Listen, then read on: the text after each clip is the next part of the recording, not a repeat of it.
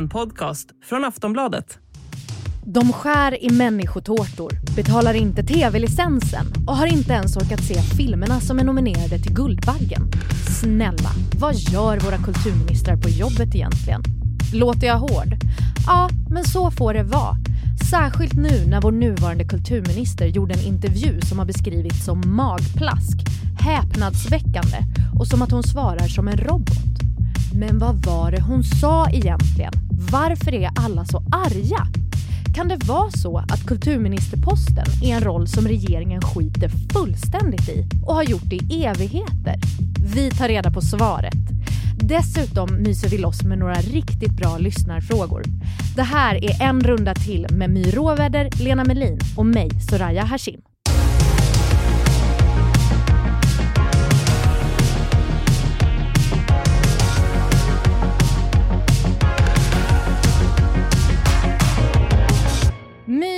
Lena, hallå! Hallå, Hej. hallå. Lena sitter och gosar med mig här i studion och My, du är på vift. Vart är du någonstans? Alltså jag är i Kiruna, jag sitter och tittar ut över gruvan. Det syns inte så mycket för det är så otroligt mycket snö i luften. Men, Och vem är du i Ja, Kiruna med? ja, men jag har varit eh, i Gällivare och eh, gjort en intervju med Nooshi Dadgostar. Och så ska vi kanske hänga med dem till eh, LKAB här, gruv, gruvföretaget. I Kiruna också, vi var där igår i Gällivare. Min viktigaste fråga kring detta är, får du ha på dig bygghjälm? Nej, vi fick inte följa med ner i gruvan.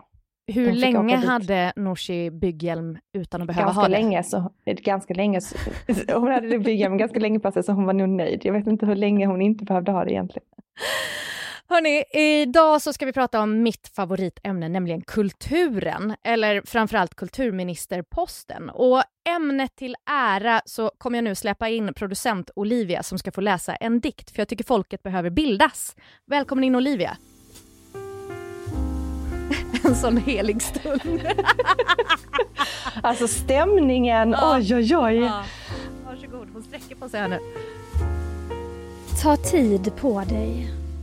Ta den på din rygg och känn hur tung den är. Ställ varligt ner den, den klagar sakta. Söv den till ro. Det svala rummet andas. År av blomdoft dröjer kvar.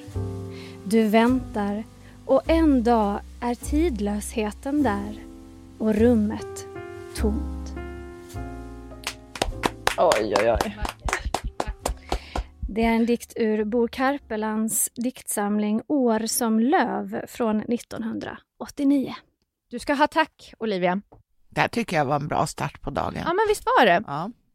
Jag tänkte att vi ska prata om detta eftersom förra helgen så publicerade Svenska Dagbladet en intervju som författaren och kulturdebattören Stina Oskarsson gjorde med kulturminister Jeanette Gustafsdotter, som jag ska säga att jag känner lite grann.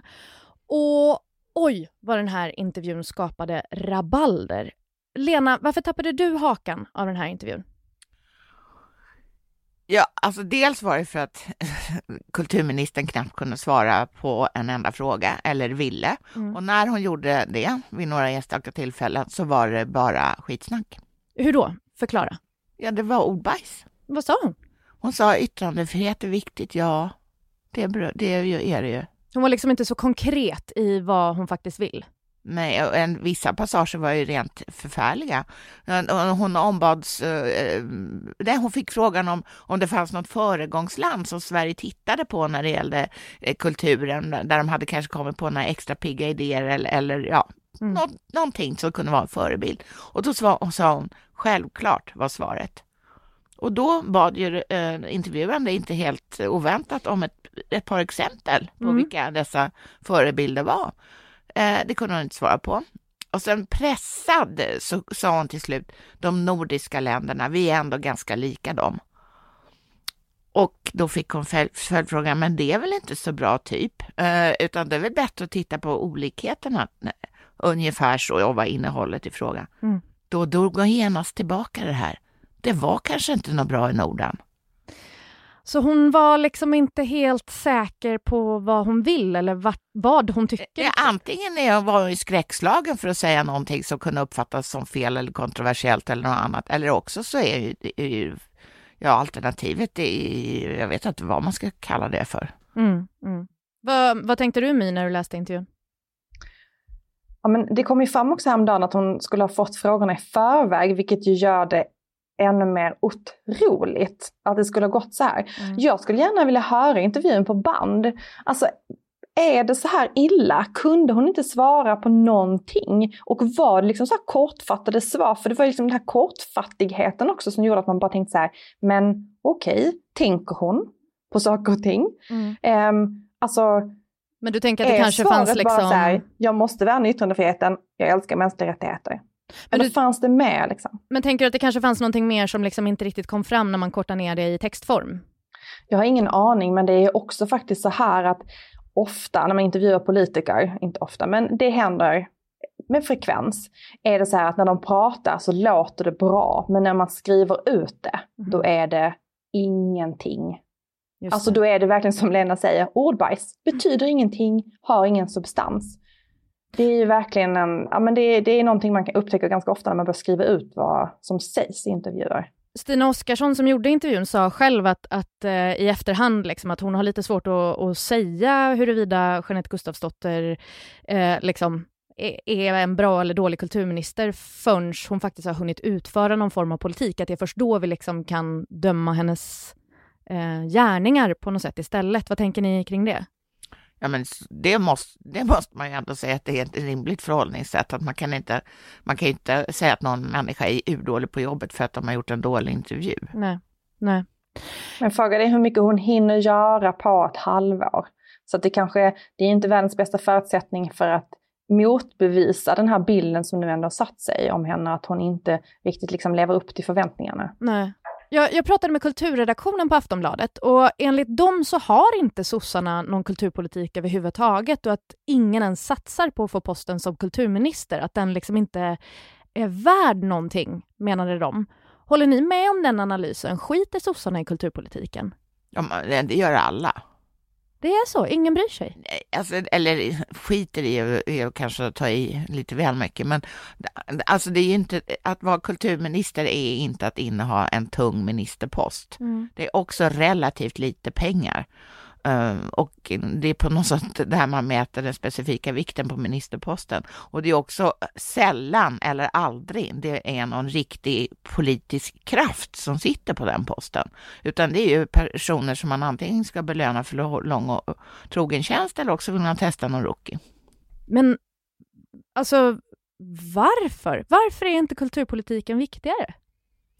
Alltså ett av skälen, äh, jag tror att många tycker att den i, i grunden är viktig, mm. men att man så att säga har svårt att, alltså, svårt att få några riktiga tungviktare att vara intresserade av den här posten beror bland annat på att det är det, det, är aldrig någon som är nöjd med kulturministern. Det, det går inte att vara eh, och, och bli ihågkommen som en som gjorde något jättebra för kulturen, för det finns alltid många, många fler som tycker att, att den personen var urdålig för att just min grupp fick inga pengar. Nej, men jag tänker samtidigt så här, i länder som Frankrike har ju liksom kulturen en annan typ av tyngd, upplever jag. Alltså varför ser vi inte kulturen som samhällsbärande här? Jo, men det tror jag att man gör. Men det, Sverige är ju annorlunda än Frankrike. Vi är inte uppbyggda på samma sätt och det här är ju våra myndigheter som en väldigt stor mm, möjlighet att styra åt det håll de vill. Och varje museum som är i statlig regi är ju en liten myndighet. Mm. Mm. Håller du med om det My, att liksom alla typ skiter i kulturen eller att den inte är så viktig? ja, men jag tänker det här med just sossarna. Uh. Alltså senast de hade en kulturminister så var det ju Leif Pagrotsky. Alltså du hör ju själv, det känns ju som ett helt, det är liksom ett helt liv uh. bort. Liksom, 2006 slutade han, det är så himla länge sedan. Alltså det finns ju egentligen bara två partier som tar det på lite allvar. Det är ju Sverigedemokraterna och Miljöpartiet. Miljöpartiet för att de har tyckt att det var så fett att ha en kulturminister.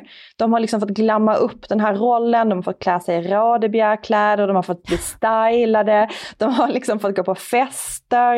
Eh, de har liksom satt en helt ny ribba för hur en liksom, miljöpolitisk politiker kan se ut. Alltså du har väl sett Stenevi, hon har liksom plockat upp det här, hon var typ balklädd på TV4 partiledardebatt. Ja. Och så Sverigedemokraterna som ser det som ett sätt att förändra samhället med kulturpolitiken. Och jag tänker så här att egentligen så borde väl det parti som borde verkligen ge sig in i det här nu är väl Centerpartiet.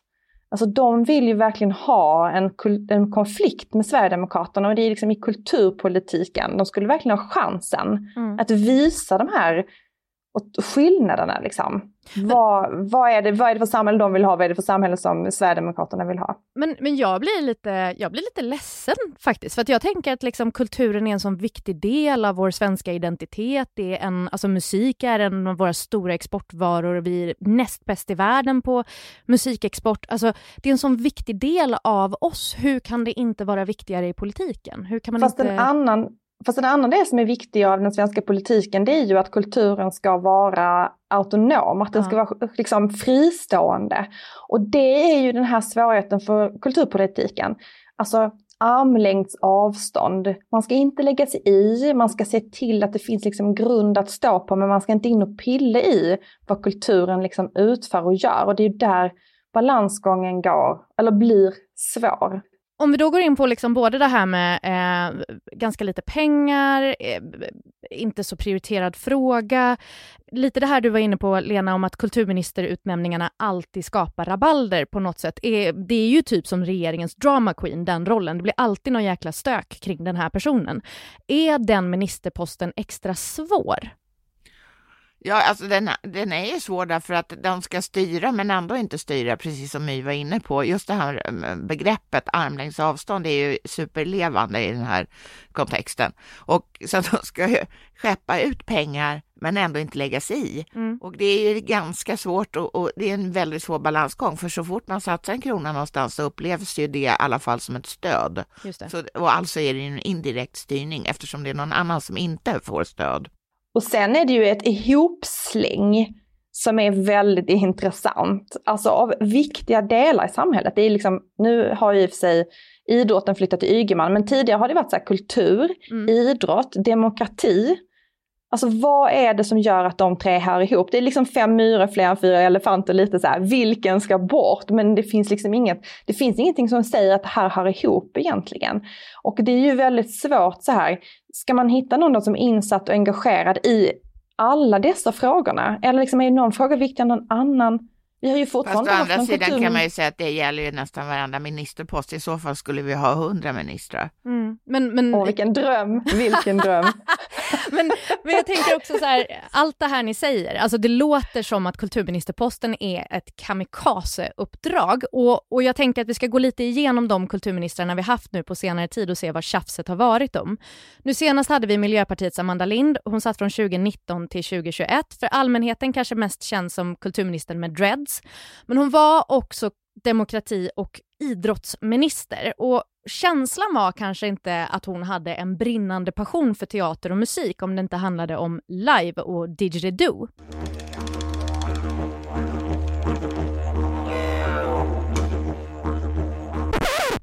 Men jag förstår ju att det här inte är hela bilden. My, hur sågs hon som minister av, av er som är politiskt insatta?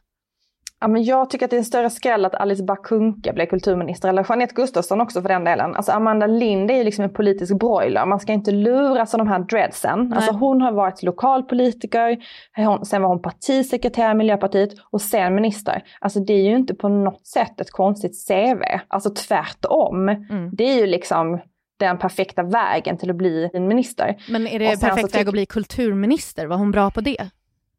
Ja men det kommer ju vara nästan omöjligt att utvärdera tycker jag. För att en jättestor del av hennes ministertid har ju kulturen varit helt nedstängd och bara handlat om liksom stöd och kris. Så jag tror att det kommer bli väldigt svårt att utvärdera hennes ministertid, utan då får man kanske titta över liksom det större perspektivet och inkludera liksom Alice Bah Kuhnke också och prata om liksom Miljöpartiets kulturpolitik. Ja, men låt oss göra det då. För innan Amanda Lind var det som du sa Alice Bah Kuhnke. Hon var kultur och demokratiminister 2014 till 19, också miljöpartist. Och kanske den minister vi haft med störst star quality. Och jag undrar om den på något sätt har smittat över på hur gemene man kanske också ser hennes gärning. Alltså hur, hur tycker ni hon var som kulturminister, ni som då kanske inte går på de här lätta knepen som jag går på? Att jag tycker att hon är lite, verkar ball, typ. Men det var väl lite det som var hennes grej, att hon var lite ball. Ja. Och gick i de där stora pappersklänningarna till Nobelfesten och sånt där. Det, det, det var ju ett sätt att ge uttryck för en, någon, någon, någon, en, någon slags kultur som var väldigt skojig tycker jag. ja. Men hur var hon som kulturminister? Hon har ju fått kritik. Stina Oskarsson nämnde ju en sån här rapport i sin text, den här Myndigheten för kulturanalys, som eh, presenterade en rapport som kritiserade, ja, framförallt var det ju Alice Bah Kuhnkes eh, eh, kulturministerskap, som menade att konsten hade blivit mindre fri just för det, det som vi pratade om tidigare. Att man liksom hade riktat de här bidragen på ett mer aktivt sätt än tidigare. Alltså man hade satt upp kriterier för varför man skulle få pengar som gjorde att vissa värden och vissa liksom, det var typ som mångfald, jämställdhet, hbtq, att det liksom Ehm, Men var det som att det blev svårare då att få stöd om man inte höll på med mångfald, jämställdhet och hbtq? Den här rapporten sa också liksom att det visade dels att man kan gå in och styra kulturen, men det visade också att kulturen ganska lätt blir styrd. Alltså att kulturen anpassar sig väldigt mycket efter de här pengarna och styr i den riktningen som pengarna kommer ifrån. Var det just de här liksom hbtq mångfaldsfrågorna som var det som då liksom hon tyckte var viktigt och att alla i kulturen börjar anpassa sig efter att göra mer kring de frågorna för att få pengar? Är det så, är det så ni menar? Så var den här analysen från den här myndigheten i alla fall. Ja. Och de menar att det inte då eh, upplevde det här idealet av armlängds avstånd mellan kulturen och politiken. Eh, och, det är liksom, och det är ju en väldigt hård kritik i den här liksom, branschen. Jag fattar. Innan Alice Bah Kuhnke hade vi ju en moderat regering och där hittar vi från 2006 till 2014 Lena Adelsohn Liljeroth som kultur och idrottsminister, även kallad för Blubby. Och det här kommer ju då från en intervju som hon gjorde när hon sa att hon tyckte ordet kultur hade en negativ klang och istället borde kallas för underhållning. Då sa serietecknaren och vår poddkollega Liv Strömqvist att hon tyckte att Lena Adelsohn Liljeroth hade en negativ klang och istället borde kallas för Blubby. Och det här citatet finns att skåda som affisch i väldigt många lägenheter på Södermalm. Hur minns du Lena Adelsohn Liljeroth, Lena? Ja, som ganska kritiserad faktiskt. Mm. Jag tycker att det mer är symptomatiskt för äh, kulturministern. Nu satt ju hon faktiskt väldigt länge. Hon satt ju nästan åtta år, eller ja, hon satt i åtta år. Och så därför hann hon bli jättemycket kritiserad. Om det var rätt eller fel kan jag tyvärr inte bedöma. Mm.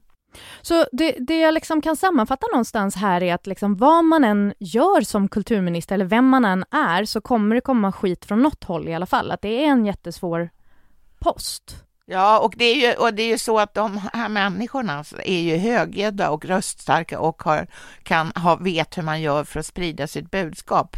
Det hade, det, det hade säkert varit enklare om det hade varit en annan grupp än just eh, kulturarbetare i vid bemärkelse som, Så som jävla gapiga. Ja, ja men det kan, de- det kan de faktiskt vara. Det ingår ju liksom nästan lite i grann i själva Det man gör. Man är Ja. gapig. Ja, Ja. visst, Mm. absolut.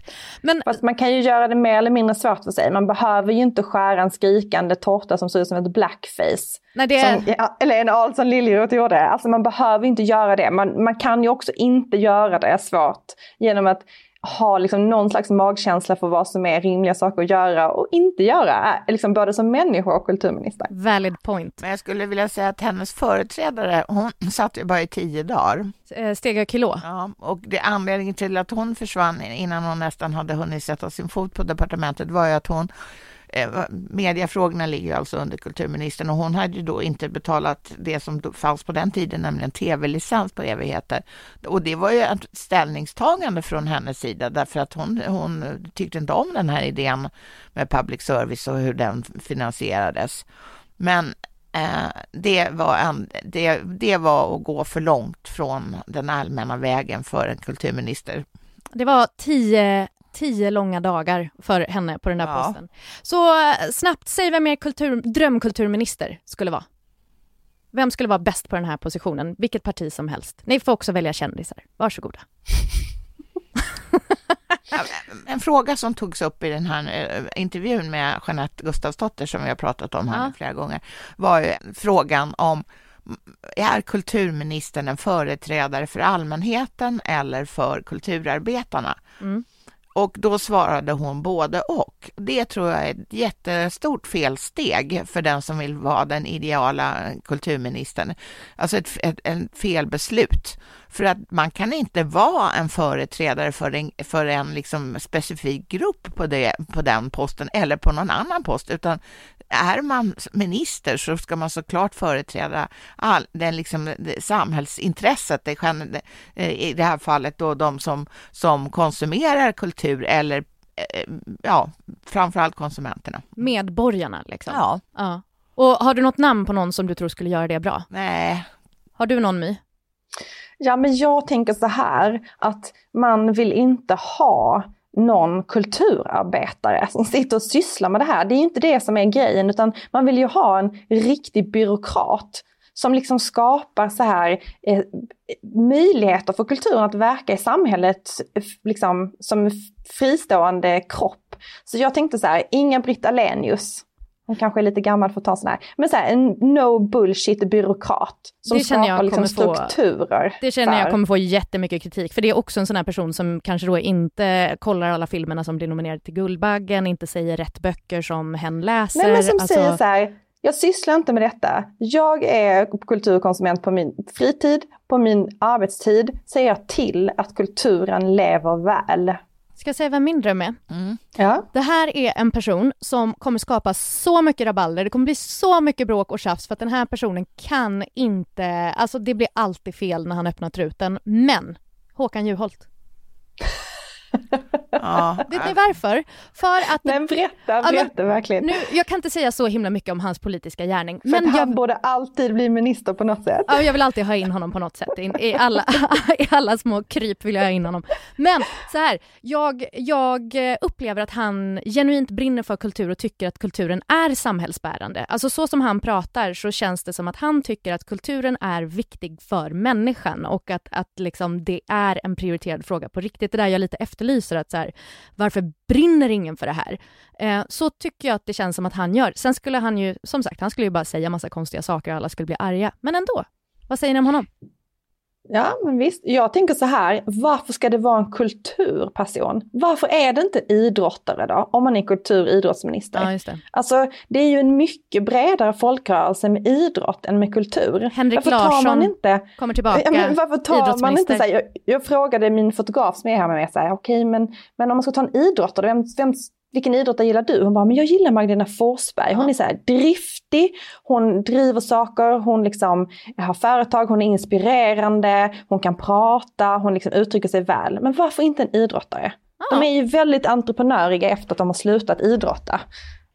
Så att jag menar, varför inte? Varför ska det vara kulturen som äger den här ministerposten? True. Fram med idrottarna, säger jag. Ja, nu, nu ligger inte idrottsfrågorna där, men men de kommer Nej, komma, de tillbaka. kommer komma tillbaka. De kommer sen. tillbaka. Ja. ja. men jag kan tycka Juholt är ändå ett roligt förslag därför att eh, det kommer hända mycket där. Ja, och han har mustasch. Jag är väldigt för mustasch. Mustasch är pluspoäng alltid. Så pappigt.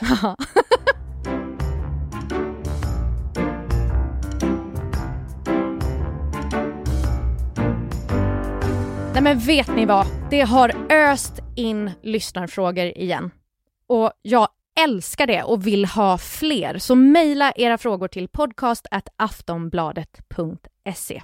Är ni redo, My och Lena, för första frågan? Ja. Alltid redo. Jag tycker att den här är helt genial. Den kommer från Smålandspågen. Vad är det för kristet i KD? Ja. alltså man kan ju säga att många medlemmar är kristna. Ja och utövande kristna. Ja. Men det är klart att det är ett politiskt parti, det är ju inte en religiös rörelse. Men ber de på sina möten? Inte vad jag känner till, inget som jag har varit på. Är det någon, liksom hur många amen per capita pratar vi om? Det, det, jag har aldrig hört det yttras, det ordet, men det, så att jag vet inte. V vad säger du My? Finns Gud? Hur, hur närvarande är Gud i Kristdemokraterna? Alltså det är ju inte så många kristna kärnväljare kvar i Kristdemokraterna. Alltså de blir också färre och färre. Men det finns ju väldigt starka KD-fästen i i det här bibelbältet, alltså i Småland och Jönköpingstrakten, där är Kristdemokraterna jätte, jättestarka lokalt. Så där finns det liksom en mycket större så här, kristen rörelse inom partiet. Men annars skulle jag säga att det kanske har lossnat lite nu i andra partier också, men Kristdemokraterna har ju varit det enda partiet under lång tid där det har varit okej okay för politikerna att säga så här, vi är kristna, vi tror på Gud. Mm. Alltså att man har, man har ändå uttryckt det.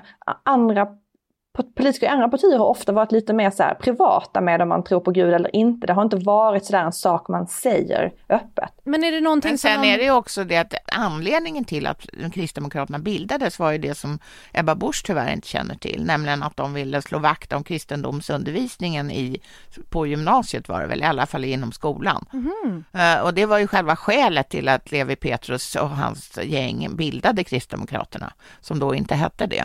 Och, och nu är inte det aktuellt aktuellt, förstår jag. Nej, de verkar vara nöjd med, nöjda med läroplanen på det området. Och, och om då Gud och kristendomen inte är så jättetydligt närvarande i Kristdemokraterna, varför byter de inte namn? Nej, men därför att de tillhör den kristdemokratiska rörelsen. I, i, europeiskt eller ja. liksom internationellt? Ja, e europeiskt är det. Ja, och eh, okej, okay. men är det så att de medvetet spelar ner Gud? Nej, men alltså de, det de faktiskt poängterar ordentligt och noga är ju att de är ett parti, de är inte en religion. Däremot tillhör de den kristdemokratiska rörelsen, precis som CDU, alltså Angela Merkels parti i Tyskland. Och det är ju, det är ju, de ingår ju och är bärande i den största partigruppen i, i, i Europaparlamentet. Och nu, nu, nu kommer liksom dumdummen fram här igen i mig, men, men att de tillhör det här större sammanhanget, är, är det större sammanhanget mer kristet? Det här liksom, den europeiska rörelsen, är den tydligare kristen? Nej men alltså Angela Merkel sprang, sprang väl inte omkring med psalmboken hon heller? Nej. Jag kanske tycker de kan ta och revidera om sitt namn då, om inte kristendomen är så stor. De kanske skulle kunna locka till sig kanske fler... Måste, I så fall kanske alla måste byta namn. Hur gick det för Liberalerna tycker vi? Ja, eller hur, eller Socialdemokraterna eller något annat. Mm. Nästa fråga är från modell 47. När började politiker omgärda sig med säkerhetsfolk? Ja, i alla fall före Olof Palmes tid. Det är så? Så det, var inte, det har inte blivit mer sen Palme och Anna Lind och så? Ja, omgärda sig med, alltså det är ju Säkerhetspolisen som gör en bedömning. Ja. Och sen så bullar de upp med det som de tycker krävs. Men har det blivit mer av den varan sen Palme och Anna Lind? Ja, det är ju helt annat samhälle. Ja. Så det är inte så konstigt. Jag tänkte på det du var inne på för ett tag sedan, My, när vi pratade om det här med att ha eh, livvakter och sånt. Eh, då var vi inne på det här med att, att man har mycket sånt när man lever i Sagerska huset, men så nämnde du att även eh, andra partiledare, Jimmy Åkesson, har det. Eh, och han bor ju bara i ett vanligt hus. Hur är det livet? Ja, just han har nog ganska många säker, alltså hot, säkerhetshot ja. kopplat till sig som person. Han har ju väldigt mycket Säpo. Eh, och ofta och mycket. Sen andra partiledare, men nu har jag varit här uppe med Nooshi Dadgostar ja, en dag, så jag har inte varit med henne hela tiden. Och hon har ju inte haft någon Säpo när hon har liksom promenerat runt och träffat eh, partikamrater och varit på företag och så här. Men så fort hon hade, var på ett öppet möte igår kväll, då kom Säpo dit och var där. Mm. Och då sa de att när det är öppna möten där liksom allmänheten kan träffa partiledare, då är Säpo alltid där. Så um, inte riktigt att, lika mycket hot mot Nooshi som mot Jimmy helt enkelt? Nej men han har ju nästan fler vakter än vad statsministern har. Och hur ser hans liv ut? Ja, det är väl ganska begränsat. Det, jag har aldrig sett honom utan Säpo någonstans faktiskt. Verkar inte så kul. Nej, han har nog faktiskt ett väldigt begränsat liv just på grund av detta. Sen vet jag inte hur det är med de andra, alltså det är ju många ministrar som rör sig helt fritt som inte har säkerhetspersonal med sig. Som den här ministern som hela tiden nu håller på att klaga på att ingen kommer ihåg hans namn, Max Elger heter han va? Mm. Men det är väl kanske bra, slipper man Säpo. Exakt, han lär ju inte ha någon Säpo.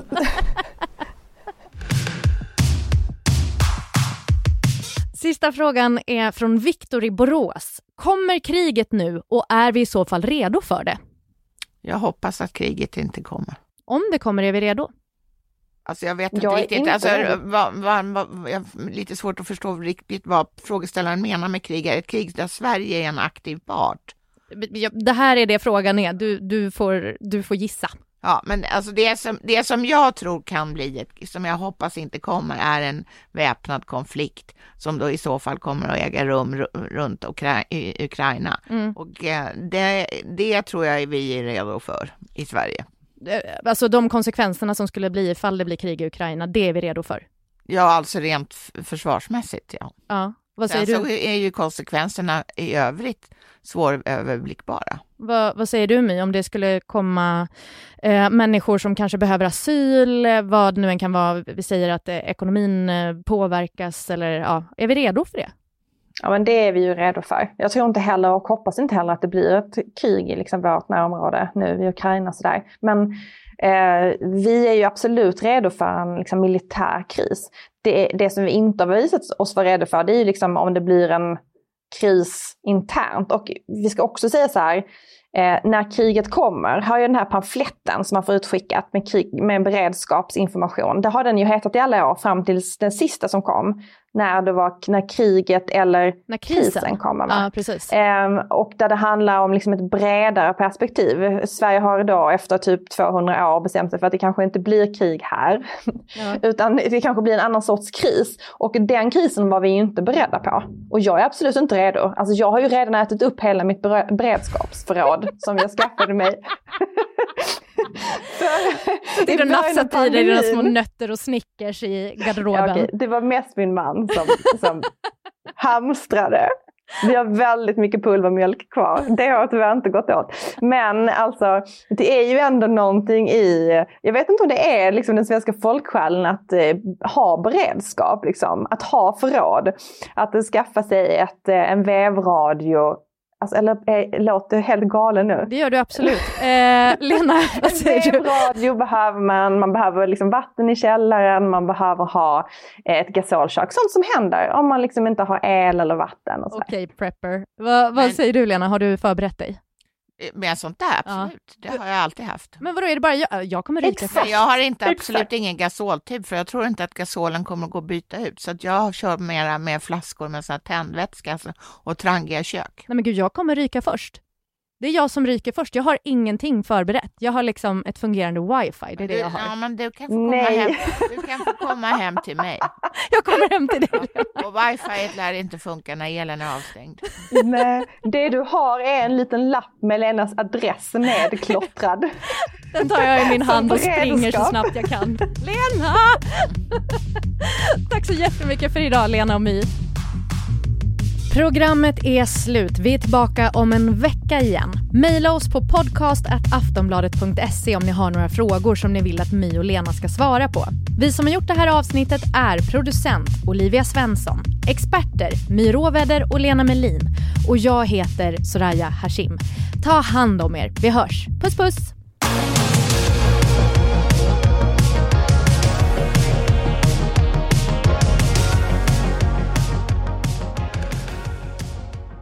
Du har lyssnat på en podcast från Aftonbladet. Ansvarig utgivare är Lena K Samuelsson. I det nya avsnittet av Aftonbladet-podden Malin blir en bättre människa med mig, Malin Wolin, berättar Isabelle McAllister hur man älskar sitt hem och sin planet på samma gång. Jag tror att du kan måla om köket 36 gånger om du målar om luckorna för samma klimatpåverkan som om du skulle köpa ett nytt. Isabells avsnitt och andra hittar du där poddar finns. Lyssna och bli en lite bättre människa. Selling a little or a lot? Shopify helps you do your thing however you cha-ching. Shopify is the global commerce platform that helps you sell at every stage of your business. From the launch your online shop stage to the first real life store stage, all the way to the did we just hit a million orders stage. Shopify is there to help you grow. Shopify helps you turn browsers into buyers with the internet's best converting checkout. 36% better on average compared to other leading commerce platforms because businesses that grow grow with Shopify. Get a $1 per month trial period at shopify.com/work. shopify.com/work.